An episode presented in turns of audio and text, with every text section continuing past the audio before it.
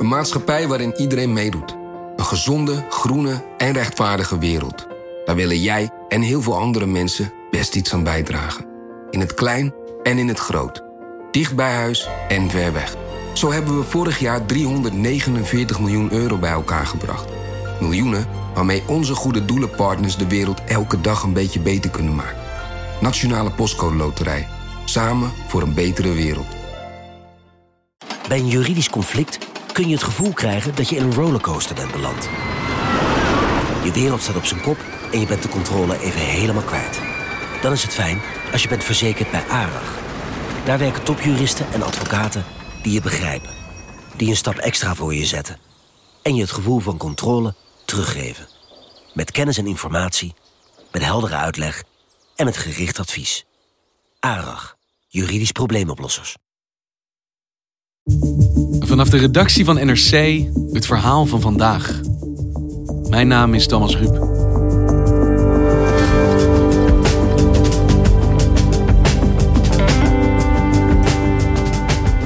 Morgen is het 30 jaar geleden dat de Berlijnse muur viel. Duitsland verenigd tot één land met gelijke waarden en gelijke kansen. Nienke van Verschuur verhuisde als kind naar het Oost-Duitse plaatsje Sternberg. Voor NRC zocht ze haar oude klasgenoten weer op. De muur mag dan verdwenen zijn, maar ontdekte ze, in de hoofden van veel Aussies staat hij nog altijd overeind.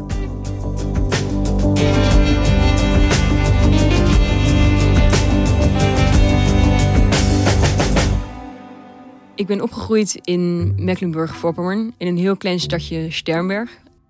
Het is een stadje van 5000 inwoners. Is zo'n heel typisch Oost-Duits stadje met vakwerkhuizen en straten met kinderkopjes. Het ligt tussen twee meren in en verder tussen velden met graan en koolzaad.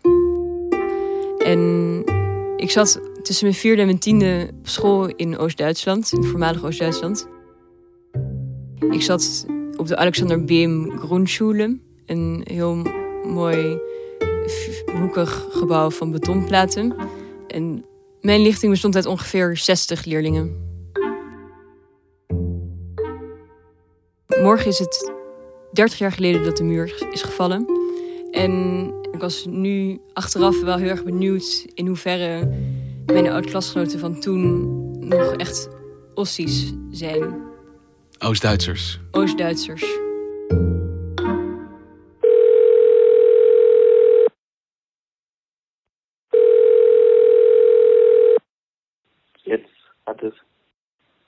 Sören? Ja, hallo? Super, hallo. Monique. Hallo Sören. Toen vond ik onder andere Søren Balzer, die twee keer voorkwam in het archief van de lokale krant. En ik vond dat hij bezig was met een buurthuis en dat hij ehm, een vrijwilliger was geweest in een asielzoekerscentrum. En wat vertelde hij jou? Hoe zag zijn leven eruit? Hij heeft sociologie gestudeerd in Rostock. En Rostock is wel een, beetje de, de grootste en meest eh, levendige stad nog van Mecklenburg-Vorpommern. Dus wel eh, in de provincie. En hij is echt jarenlang werkloos geweest na zijn studie. En heeft lang achter de kassa gezeten bij de supermarkt. Maar ik merkte ook dat hij wel echt zich enorm heeft verdiept in de streek en in Oost-Duitsland. En alle gevolgen van de val van de muur. Dus hij kon me wel heel veel vertellen. En hij vertelde dat van de 60 mensen met wie wij in de klas zaten, die dan allemaal naar het gymnasium zijn gegaan, Ich sag mal so, von, von 60 Leuten, die wir nachher Abitur gemacht haben aus dem Jahrgang, ne, sind, sind vielleicht nur noch zwei, drei in der Region geblieben. Ne? dat er nog twee of drie mensen daarvan in Mecklenburg wonen. Die meisten sind alle weg. En dat de rest allemaal naar het voormalige West-Duitsland is getrokken om daar toch wel te kunnen werken. Also nach Hamburg, ähm, Berlin. Allemaal. Slechts drie Bijna van de 60 zijn Drie van de 60 achtergebleven. zijn achtergebleven, ja.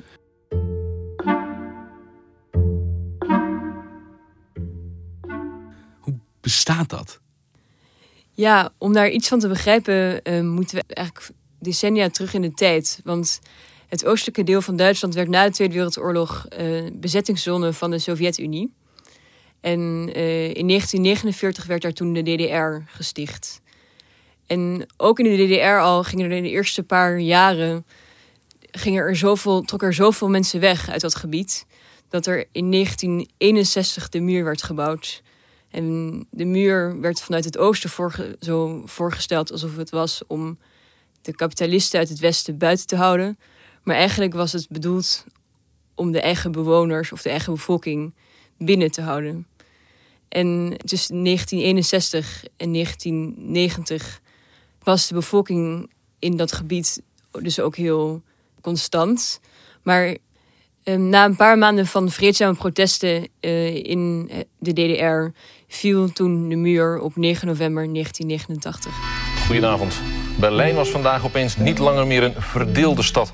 Want tienduizenden Oost-Berlijners wandelden gewoon door de grensovergangen naar het westen. Ze winkelden in de binnenstad van West-Berlijn of reden vrolijk een rondje met hun trabant. Vanavond is daarom de hele uitzending van NMS Laat gewijd aan de gebeurtenissen aan beide kanten van die Berlijnse muur. and then they forced open another gate and piled through it. How do you measure such an astonishing moment in history? The East German government said tonight they were going to make more openings in the wall, at least a dozen more. Put bulldozers right through the wall so that more people could cross to the west. in de jaren 90 werd gewoon die hele DDR ontmanteld. Het werd gewoon van een dictatuur die 50 jaar lang had geduurd, moest Oost-Duitsland een democratie worden. Eh, en dat had wel enorme gevolgen, want in de DDR bijvoorbeeld bestond officieel geen werkloosheid. En als je werkloos was, was dan was je een Azzi. En ehm, Een Azzi? een Azzi, ja, dat is iets van, een, dan ben je asociaal. Of dan ben je gewoon een, een outcast. Een ASO. Een ASO, precies. En ehm, in de jaren negentig werden al die staatsbedrijven dus geprivatiseerd. En toen ontstond er enorme werkloosheid. En toen is ook wel weer dus de grote leegloop begonnen. En in de afgelopen 30 jaar zijn dus ook 300.000 mensen uit Mecklenburg, wat ongeveer 20% van de hele bevolking is, zijn naar het westen getrokken. Hoe was dat voor de achterblijvers om te zien dat zoveel mensen met wie ze in het oosten woonden eh, meteen die, die grens overstaken? Toen die geen grens meer was. Ja, die hadden heel sterk het gevoel eigenlijk dat na de val van de muur het toch wel de West-Duitsers waren die de lakens uitdeelden. En dat de hereniging eigenlijk een beetje op hun voorwaarden ging. Want in 1990 kwamen alle Westies en die gingen alles nog een keer dunnetjes overdoen, maar dan beter. Ehm, en er zijn ook statistieken van dat eigenlijk twee derde van de managementfuncties in Oost-Duitsland nu door West-Duitsers wordt vervuld. Ehm, dus zij voelen zich echt wel een beetje miskend. En Zeuren zei ook nog dat ehm, die mensen in het oosten die zich enorm hebben ingespand om na de oorlog het land weer op te bouwen, zich dus nu heel erg de verliezers van de wende voelen. Omdat zij nooit erkenning hebben gekregen voor al hun werk en moeite. Ich denke mal, das hat viel damit zu tun, dass man sich so als Verlierer der Wende sieht. Die Westdeutschen haben ja gesagt, der, äh, was richtig und was falsch ist. Und ähm, das führt zu einer gewissen Verbitterung. Ne? Hij zegt het is Oost-Duitsland dat de verliezer is van de val van de muur. Terwijl je zou denken dat juist het oosten er het meest mee had te winnen. Ja, dat zou je denken, maar gevoelsmatig ehm, voelen zij zich inderdaad vaak de verliezers.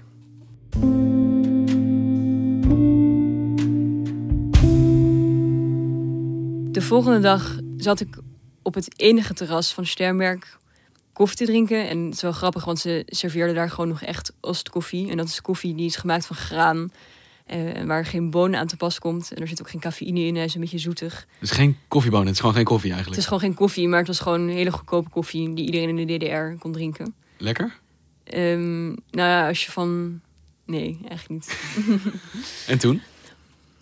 En toen reed er een busje van een glazenwasbedrijf langs. En de bestuurder die stapte uit en die ging stond te onderhandelen met een vrouw over een of andere opdracht. En de bijrijder die, zat een, zo'n elektronische sigaret te roken. En door de dampen heen dacht ik heel vaag te trekken van mijn oud-klasgenoot Marcel. Dus ja, ik dacht, ik moet het nu meteen vragen. En ik liep naar hem toe en ik zei... Ah, bent u niet eh, Marcel, Marcel Stier? En?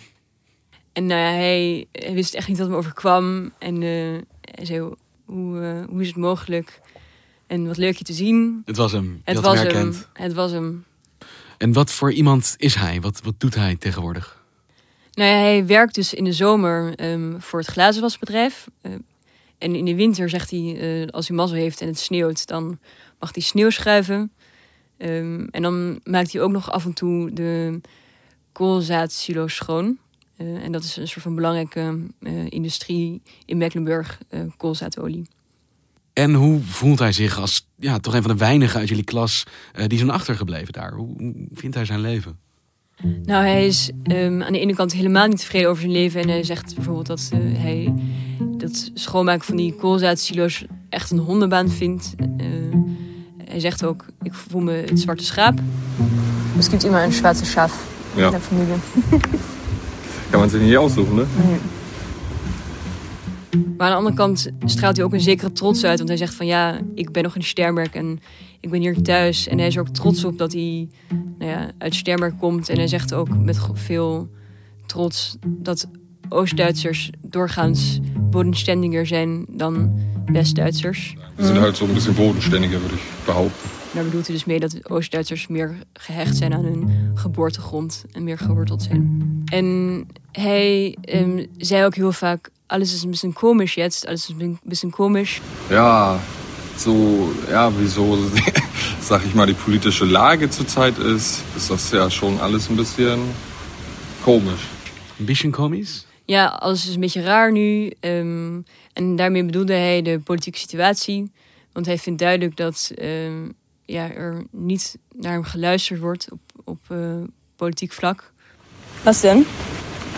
Ja, met deze vluchtelingspolitiek en zo. Mm. En wat bedoelt hij daarmee?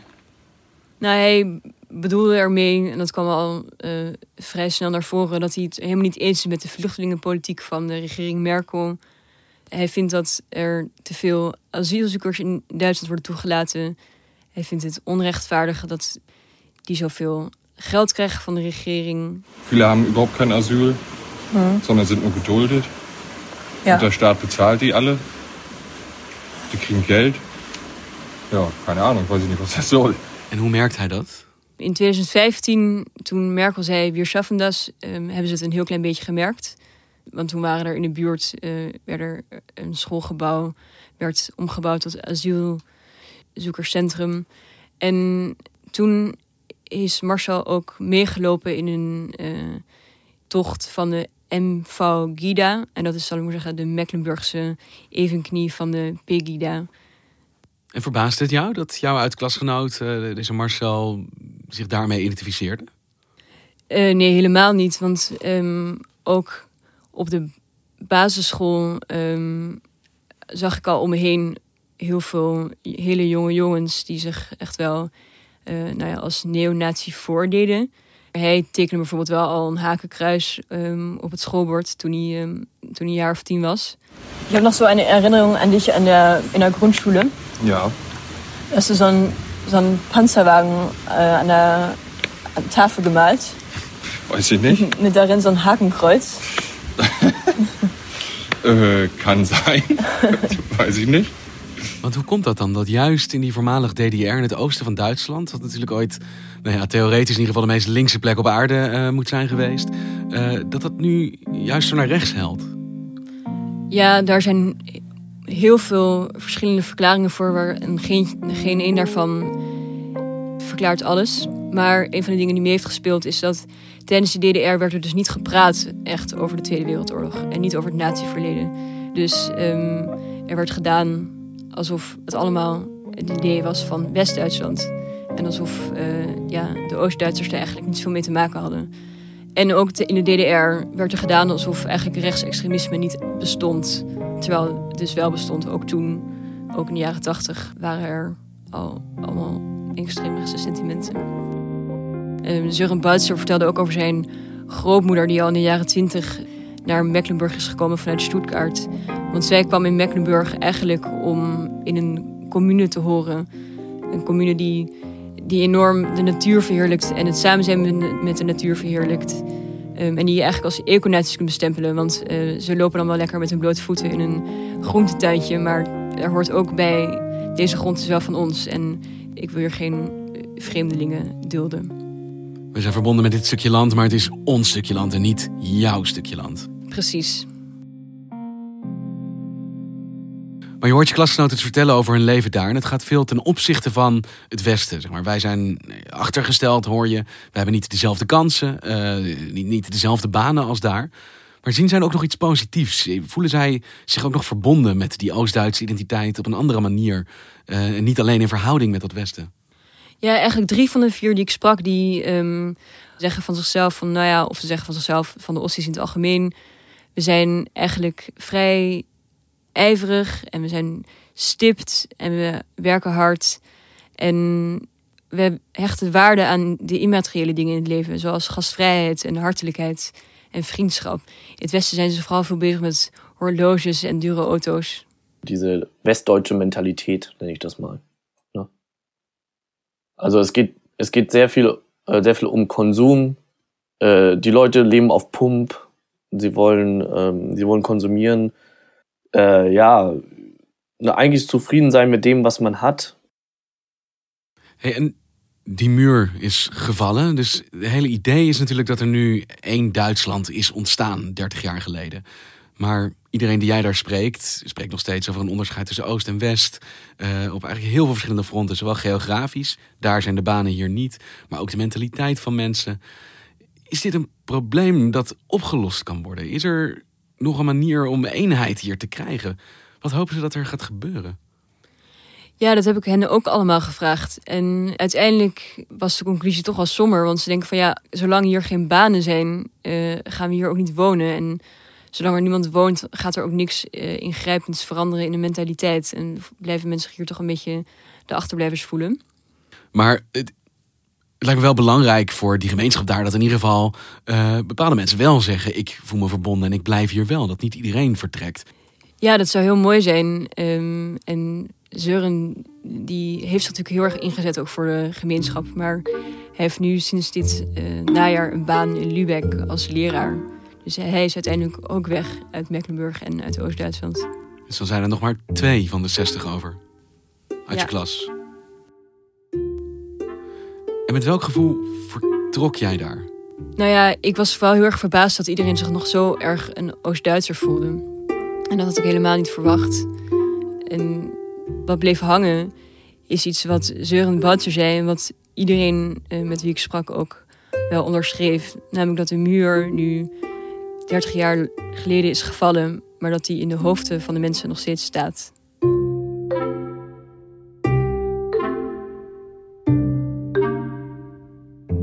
Dankjewel, Nienke.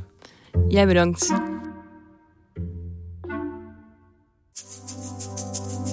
Deze week bereikten we met NRC Vandaag een nieuwe mijlpaal. We passeerden de 2 miljoen downloads.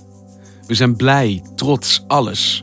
Maar vooral vinden we dit een moment om jou te bedanken. Dat je elke dag de tijd voor ons neemt. Dat je luistert. Vandaag kan niet bestaan zonder jou. Maar ook niet zonder het werk van de ruim 200 redacteuren van NRC, die elke dag onderzoeken, schrijven en blootleggen. Je zou hen, en dus ons, enorm steunen als je abonnee werd. Ga naar nrc.nl slash podcastabonnement en kies een abonnement dat bij jou past. Je luisterde naar vandaag. Eén verhaal, elke dag. Dit was vandaag, maandag weer.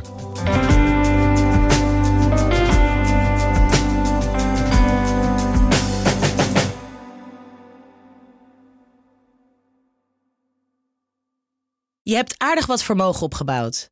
En daar zit je dan, met je ton op de bank. Wel een beetje saai, hè? Wil jij, als belegger, onderdeel zijn van het verleden of van de toekomst? Bridgefund is een slimme fintech die een brug slaat tussen de financiële behoeften van ondernemers en van beleggers. Dus wie belegt bij Bridgefund krijgt niet alleen een mooie vaste rente, maar brengt ook ondernemers in beweging. Echt waar! Met die ton kan je zoveel betere dingen doen. Bridgefund. Make money smile.